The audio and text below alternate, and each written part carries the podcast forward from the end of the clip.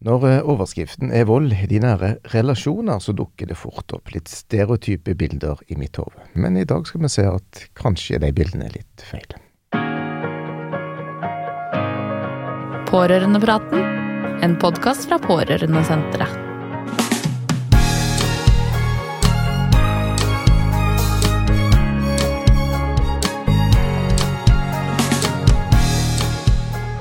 Velkommen til en eh, ny episode av eh, podkastserien fra Pårørendesenter, der vi tar for oss eh, vold i de nære relasjoner. Mitt navn er Wilhelm Viksøy, og jeg har med meg min kollega Anne Kristine Bergum. Velkommen. Takk for det. Og Anne Kristine, du har med deg en kollega du òg, som ikke er min kollega. Det er helt riktig. I dag har vi gleden av å ha med oss psykiater Marit Tveito. Velkommen til deg. Takk for det. Eh, og du er jo fagsjef psykisk helse i Nasjonalt senter for aldring og helse. Eh, og det er jo fordi at du er spesielt interessert i eldre mennesker at vi har eh, invitert deg i dag. Og som Wilhelm eh, sa i sin introduksjon, eh, det er jo vold i nære relasjoner som er tema for denne podkastserien. Eh, og det kan jo være lett å tenke på at eh, det viktigste er å snakke om vold i oppveksten og, og, når barn blir utsatt for vold og overgrep, men det er jo en annen gruppe som på sin måte er omtrent like sårbar, og det er jo de eldre. Det er jeg helt enig i. Ja, og eh, i kontakten forut for denne episoden så har jeg sagt at jeg veldig gjerne ønsker at det er liksom tre temaer vi skal komme innom i dag. Og det ene er jo når eldre blir eh, utsatt for vold av sine pårørende. Det andre temaet er når det er de eldre som utøver vold. Kanskje på grunn av en uh, nyoppstått tilstand uh, som gjør at de utøver vold, noe de kanskje aldri har gjort før.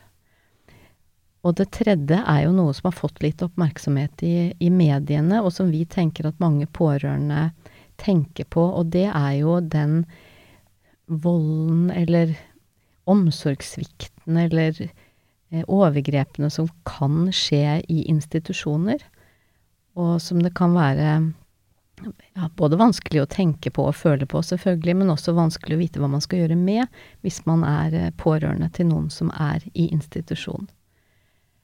Så det er eh, nok å ta av. Ja, vi har mye å snakke om. Vi har mye å snakke om, så da foreslår jeg at vi bare måtte starte litt. Så kan jo du starte der hvor du ønsker. Ja, vi kan jo uh, ta det første først. Uh, dette med at eldre er en sårbar gruppe. og hvor det kan være både vanskelig å se for seg at de utsettes for vold og overgrep, akkurat som mange ikke klarer å se for seg at barn blir utsatt for det. Eh, og det er eh, vanskelig for mange eldre å fortelle om det. Det er eh, både eh, skambelagt og trist å oppleve dette. Eh, så her er det viktig at de som er rundt, eh, enten det er pårørende eller helse- og omsorgspersonell eller andre, som kommer i kontakt med eldre og får en mistanke om at ikke alt er som det skal, at man gjør noe med situasjonen uh, og prøver å finne mer ut av det. Eventuelt hjelper, hjelper de å få hjelp.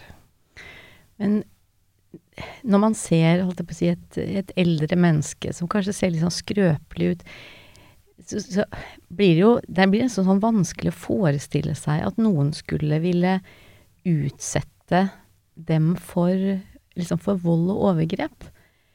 Så kan du si litt om hva, hva slags vold er det, på, er det, eldre blir utsatt for av sine pårørende? Ja, det vet vi litt om. For det var en eh, nasjonal forekomstundersøkelse som ble presentert for noen få eh, år tilbake. Eh, hvor man fant at eh, mellom 7 og 9 av eldre siste året hadde blitt utsatt for vold overgrep. Um, men da snakker vi også om psykisk vold, um, som er vold, uh, men som mange kanskje ikke assosierer med med vold, og at man tror det handler om bare det fysiske. Men eh, man kan utsettes for ulike typer vold. Og tallet er jo ganske høyt. Men det er jo fordi alle typer vold er inkludert i den undersøkelsen. Eh, og psykisk vold er det vanligste. Og det aller vanligste er jo at det er noen man kjenner som utøver vold. Eh, og det var jo da eh, Hos ni av ti så, så handlet det om en person i en nær relasjon til, eh, til den eldre. Ja, og sånn umiddelbart så kan jeg jo komme på eksempler hvor jeg har hørt om at, uh, at hvis det er en i familien som f.eks. trenger penger, eller, eller uh, kanskje har et rusproblem og trenger å få tak i penger, så kan måte, eldre, på, eldre i familien være kanskje lettest som, som mål for den utpressinga og de truslene. Men det er vel ikke sånn at all vold mot eldre skjer måte sånn Ja, i, liksom i sånne sammenhenger? Det vet jeg ikke, men det, det vil jeg jo ikke tro. Um, for uh, det er jo én av sammenhengene. Um, jeg har jobbet i alderspsykiatrien i mange år, og det er klart, uh, da kommer vi borti ulike hjemmesituasjoner hvor nettopp det du forteller om, kanskje barnebarn som har både økonomiske problemer, rusproblemer um, uh, og uh, et forhold til en eldre person, kanskje en, en bestemor eller bestefar, utsette vedkommende for både trusler og press om penger, legemidler, de kan oppleve seg truet til å gå til fastlege for å be om, be om beroligende medisiner. Eh, og det er jo veldig, eh, veldig vanskelig ofte for de eldre selv å, å både eh, stå imot, men også å si fra om. Så tenker jeg bare at eh, min erfaring med mine foreldre er jo at når de ble eldre, så endra òg det kognitive seg litt. Og det var ikke alt de sa som var like sammenhengende og lett å få tak i.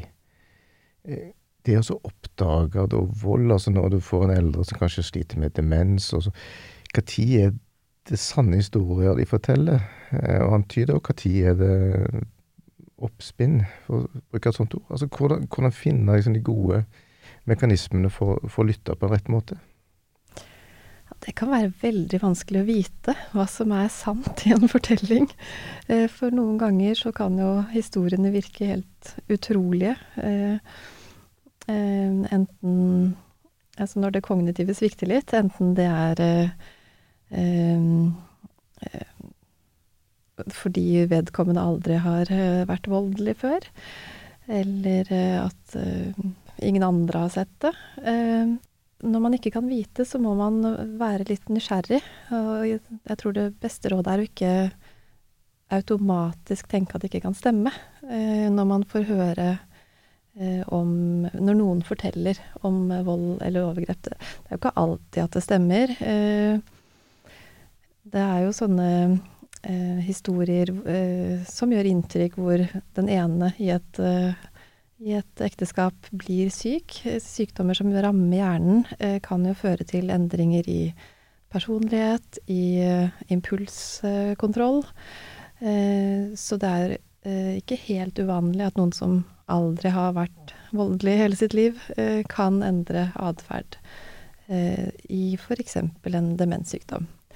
Og det er jo vondt for den andre å oppleve en, både en så stor endring, men også eh, da å bli utsatt for vold kanskje for første gang i løpet av et uh, langt samliv. Så da er rådet ditt ikke, ikke avfei det som uh, usannsynlig, men noter det ned, og så vær litt nysgjerrig og undersøke litt, løfte litt steiner og se kan det være hold i dette. Mm. Ja, og da tenker jeg jo det som vi har lært oss nå de siste åra å si om vold mot barn. Altså, du ser det ikke før du tror det. Mm. Det er jo litt overførbart til det vi snakker om nå. At man må faktisk vite at også eldre utsettes for vold for å se det. Mm. Eh, og det kan jo være andre mekanismer som, som kommer i spill, men det er jo ikke noe mindre skamfullt å fortelle om å bli utsatt for vold, eller å utsette noen for vold. For det, sånn litt tilbake til det vi sa i stad om at det kan være mange grunner til at noen utsetter andre for vold. Og, og jeg tenker jo at i, i en situasjon hvor f.eks. Den, den ene er eh, begynt å bli ganske redusert, og det er nære pårørende som står for mesteparten av omsorgsbyrden, så går det vel an å tenke seg at også i de situasjonene så kan man av maktesløshet, at man er sliten, at man bruker mer makt og et styggere språk enn man egentlig skulle ønske?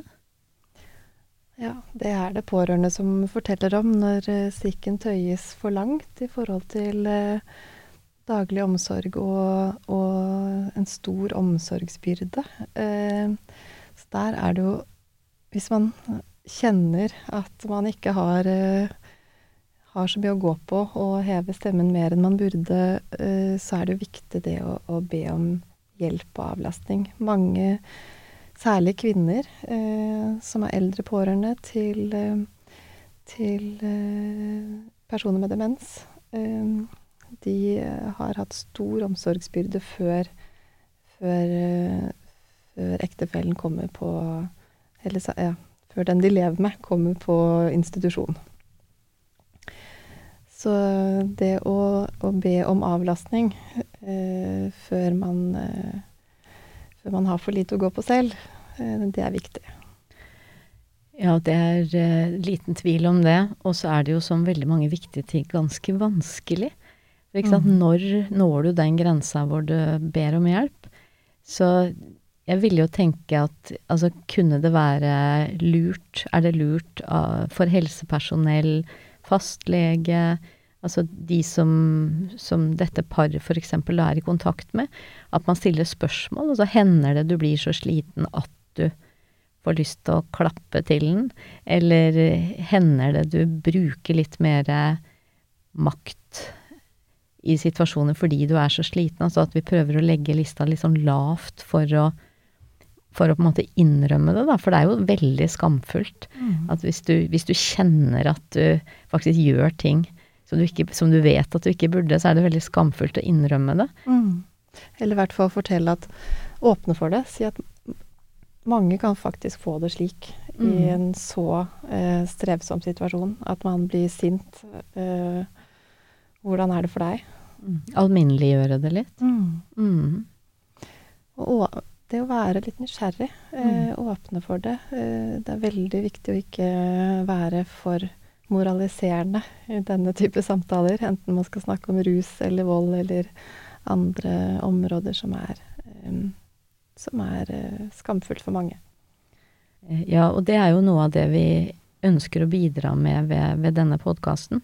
Er jo nettopp det, det, som du sa nå. Altså gjøre det litt vanlig, sånn at folk kan kjenne seg igjen, og at det da kanskje blir litt mindre skamfullt å, å snakke med, med noen om det og vi har jo vært sånn litt innom det allerede, at det er jo også sånn at noen, når de blir eldre og f.eks.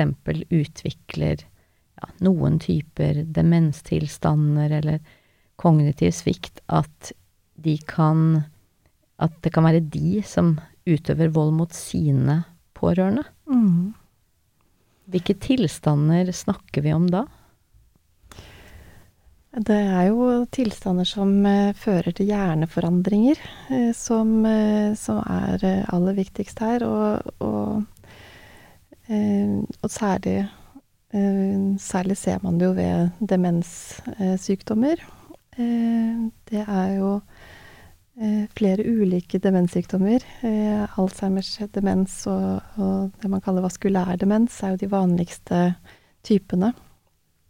Men Eh, frontotemporal demens, eh, som rammer særlig fremre områder av hjernen og ikke så mye hukommelse, der kan det ta litt tid før, før man forstår at vedkommende er i ferd med å bli syk, eh, fordi man ikke har de typiske hukommelsesvanskene, og hvor det pårørende i ettertid skjønner var sykdomsutvikling, var endring av personlighet og svekket impulskontroll, og hvor noen også da får endret atferd og, og, kan utøve psykisk vold på den måten verbalt og ja. og hvor det kan være veldig vanskelig, en lang, vanskelig periode for personer med frontotemporal demens får ofte diagnosen veldig sent. Um, og det er også flere som får um, endringer i, i um, seksuell interesse, f.eks., som kan være veldig vanskelig for, eh, for, pårørende å snakke om. Ja, og det når du snakker nå, så kommer jeg jo på flere sånne eksempler som jeg har vært borti. Eh, og jeg husker en historie som jeg ble fortalt av en kollega av oss hvor det var ei jente på 16 som hadde opplevd at faren hennes begynte med seksuelle tilnærmelser. Og han hadde jo aldri gjort det, og det var jo Altså, det, det, det kom jo litt, litt om lyn fra klar himmel. Og da viste det seg jo i, i forløpet da, at han hadde en, en demenstilstand som ramma pannelappen og mm. fremre del av hjernen. Mm. Så han ble rett og slett sånn både ukritisk og fikk jo problemer med impulskontrollen og en del sånne ting. For det er vel Vi kan vel si det litt sånn folkelig at mye av eh, kontrollsenteret vårt på oppførsel og, og sånt sitter i eh, fremre del av hjernen. Ja, jeg tror kan si det sånn. Og det er, eh, så det, er en stor ulempe når pannelappene ikke, ikke fungerer like bra.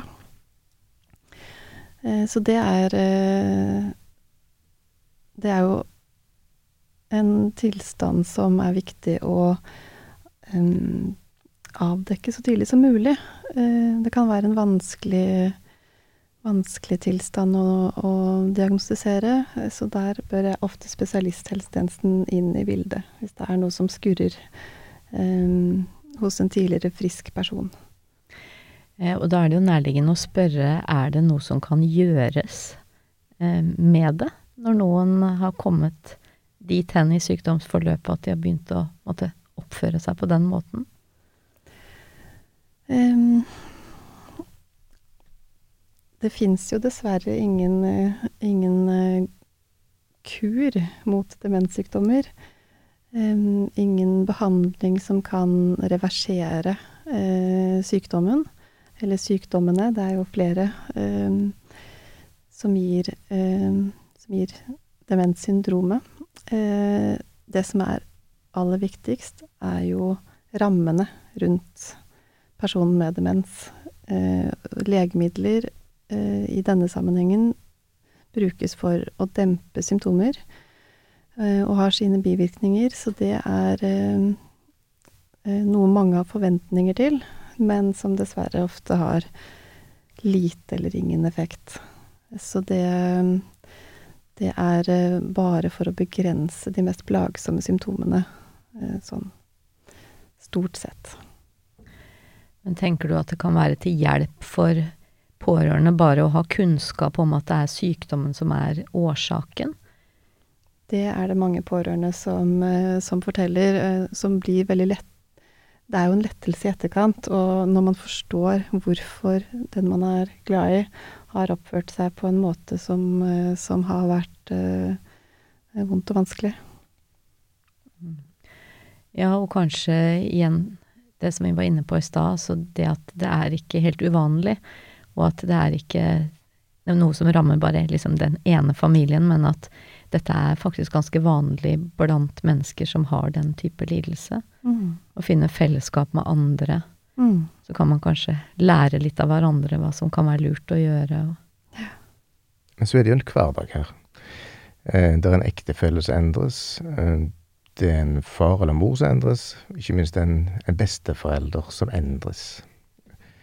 Så én ting er jo forståelsen en, for en voksen, men tenk på sånn, et barnebarn som opplever at eh, en bestefar plutselig blir eh, helt annerledes. Begynner å bli fysisk eh, hardhendt. Eh, det er ting de ikke kjenner igjen. Altså Hvordan skal han da sette de gode grenser i hverdagen? Det er et godt spørsmål. Som jeg ikke har noe enkelt og, og godt svar på. Um, det er viktig å snakke med barna om, som opplever at uh, personer rundt de blir syke. Um, at man forklarer, og istedenfor å uh, Som noen sikkert har opplevd, at man ikke uh, får vite hvorfor en far eller en bestefar endrer seg. Fordi man kanskje prøver å beskytte barn fra det som er eh, eh, leit. Um, så at, man, at barn tas med, får, får forklaring. Um, og så finnes det en del tilbud, bl.a. til barn som opplever at sine foreldre får demens, hvor man blir en veldig ung pårørende. Så finnes det egne, egne tilbud. Ja, og en del av de tilbudene er jo basert på sånn likepersonsarbeid. Mm. At det er eh, unge voksne som har hatt den erfaringen ganske nylig, mm. som tilbyr seg å snakke med eh, barn og unge som nettopp har kommet til situasjonen. Ja. Det er jo en, en viktig støtte. Det er eh, veldig mye omsorg i å møte andre som, som har erfart det samme. Ja, igjen det med, med gjenkjennelse og kunne lære av hverandre. Mm. Og vite at man ikke er alene. Ikke sant. Det er noe med at eh, støtten og, og trøsten kan man finne i fellesskapet. Mm. Eh, så da gjelder det å finne fellesskapet, og det håper jeg jo vi bidrar med nå, med mm. å si det. Og jeg vil jo anbefale de som hører på og som kjenner seg igjen, å, å gå inn på, på, nettsidene til Aldring og helse, f.eks. Eh, så kan man jo finne fram til disse likepersonene og og mm. støttetilbud også. Mm. Og, og, de kan jo ta kontakt med oss på Pårørendesenteret, selvfølgelig, så skal vi lose videre. Men eh, det tredje temaet som vi hadde på lista i dag, har jeg også lyst til at vi skal ha litt sånn tid til å, å snakke om, for det er jo Det er jo høy terskel for veldig mange pårørende å sende en de er glad i, på institusjon. Jeg, har, eh, jeg leste meg litt opp på det for en tid tilbake, og ser jo det at det er, det er tøft for mange. Mm. At det oppleves litt som å gi opp, og at man ikke strekker til. Og, så den prosessen er jo krevende nok i seg selv. Men hvis man da i tillegg går og bekymrer seg for at den man er glad i som havner på institusjon, ikke blir godt nok tatt vare på, og så leser man eh, i aviser eller på nett at det foregår både, hva skal vi si, omsorgssvikt eller forsømmelse og måtte, vold og overgrep i institusjoner. Ja, det er jo uh, saker som får stor oppmerksomhet i media, og uh, som igjen er vanskelig å se for seg for noen, og som helt sikkert skaper veldig mye bekymring. Um, og det er et tema det er viktig å ta på alvor og ikke avfeie, som vi har snakket om. Um, det var en undersøkelse, en, en, studie, som avdekket at det var ganske høye tall når det gjelder eh, vold, overgrep, forsømmelser i sykehjem eh, blant ansatte eh, mot, eh, mot, beboere. Eh, og det ble slått nokså stort opp. Eh, så har det jo Så har jo deltakere i studien eh, også gått ut eh, og eh, For å peke på at de opplevde at bildet var nokså eh, Var malt med mer svart enn enn det var grunn til. Eh, for eh, dette var jo alle typer forsømmelser. Men det det er uansett et viktig tema, for det skjer i noe omfang at man eh, svarer for hardt eller holder for hardt eller eh, ja, eller eh, ja, forsømmer eh, beboere. Og slik skal det jo ikke være. Nei, og hvis, hvis du tenker på pårørende som måtte er bekymra, som kanskje, kanskje de ser blåmerker eh, på og den de besøker, og den de er glad i når de er, når de er der, eller altså på en eller annen måte som blir urolige, hva, hva, kan de, hva kan de pårørende gjøre? Jeg tror man ikke skal være så redd for å ta kontakt med de som jobber der, med, med leder for, eh, for avdelingen. Det å gå og bekymre seg for noe sånt er jo eh, veldig vanskelig. Eh, så der vil jeg jo anbefale i første omgang å, å lufte sin bekymring og få, få den ut i Få den på bordet. Og så, eh, og så må man ta det derfra. Man vi vet jo at eh, ledelsen i sykehjemsavdelingen har veldig mye å si i forhold til å forebygge eh, uønskede hendelser, enten det er eh, medisinske eller, eller i gaten av uh, forsømmelse og, og overgrep. Men en utfordring da, Marit, er jo at en del pårørende kan bli reservert mot å spørre Mm. og si ifra, av frykt for at det skal gå utover den de pårørende til. Ja, Ja, det altså, forstår jeg. For hvis jeg nå spør, og så var det en hold i det, og så og, Ja, du, du skjønner. Mm. Ja, at man blir redd for at, uh, Det skal slå tilbake. at det skal slå tilbake på den, den som nå er uh, i døgnomsorg. Ja. Eh, min erfaring er jo at man kan spørre om det meste, så lenge man eh, gjør det på en, eh, på en ok måte.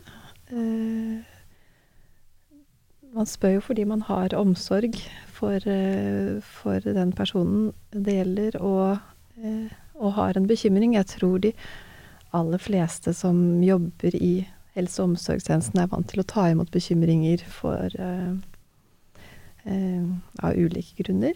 Eh, så får vi jo håpe at, eh, at sånne bekymringer blir tatt imot på en god måte.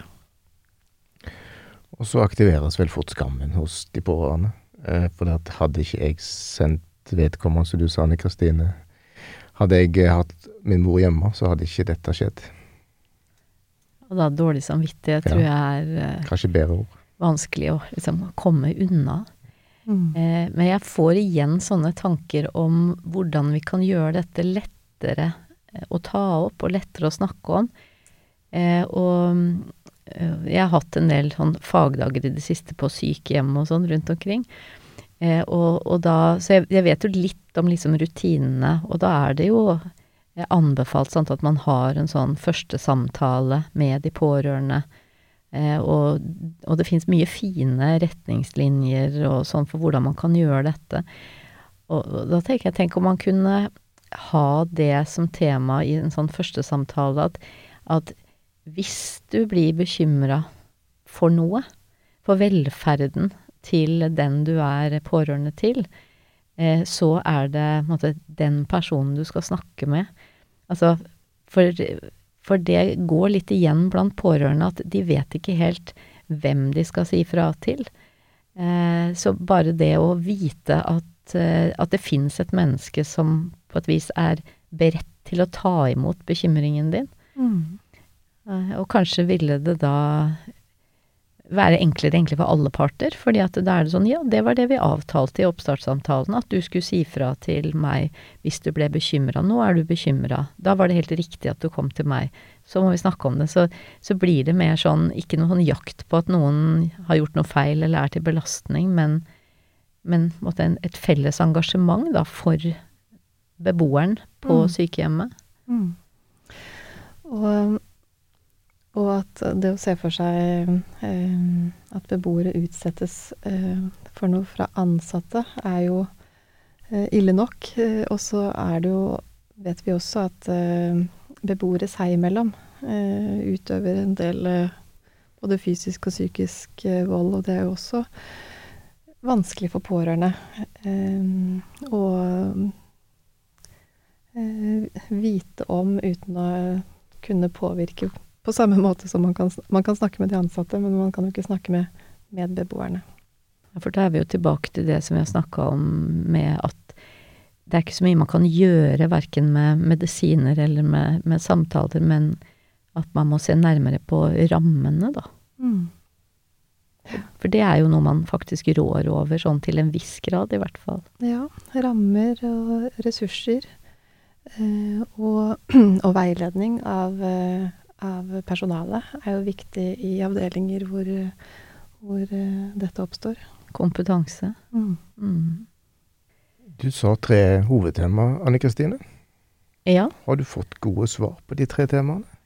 Jeg har fått uh, gode svar, uh, og selv om svarene da er at uh, det er jo ikke så mye sånn sånn måte, fasitsvar med to streker under, så tenker jeg at det vi sitter igjen med, det er at man må si ifra.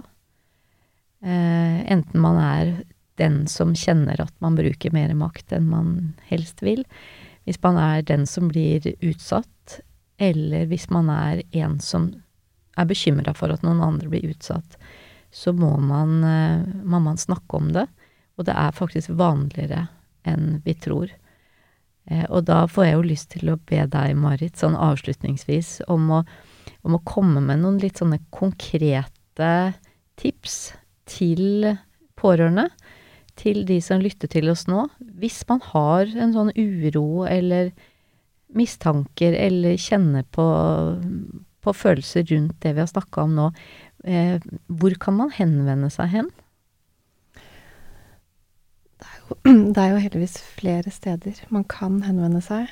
Eh, det fins en kontakttelefon som heter Vern foreldre, som er åpen på dagtid på hverdager, eh, hvor man kan eh, søke råd, enten man er privatperson eller man er helse- og omsorgspersonell eller en, en, annen ansatt som kommer i kontakt med en eldre. Pårørendesenteret har har en telefontjeneste. Eh, og det aller viktigste er jo at man ikke avviser eh, bekymringen, men, men, søker råd. Eh, enten det er hos fastlege, eh, noen man kjenner, eller eller telefoner, eh, hvor man kan få eh, rådgivning og veiledning fra noen med erfaring på området. Takk for eh, gode råd på tampen og, og tips der, Mara Veito. Og takk for at du ble med oss i podkasten i dag. Og da sier vi tre, Marit og Anne Kristine Bergen og Wilhelm Nyksøy, takk for følget. Du har hørt Pårørendepraten, en podkast fra Pårørendesenteret. Du finner flere episoder og ressurser på hjemmesidene våre pårørendesenteret.no, pårørendeprogrammet.no og ungepårørende.no. Podkasten finner du også på de fleste steder der du lytter til podkaster.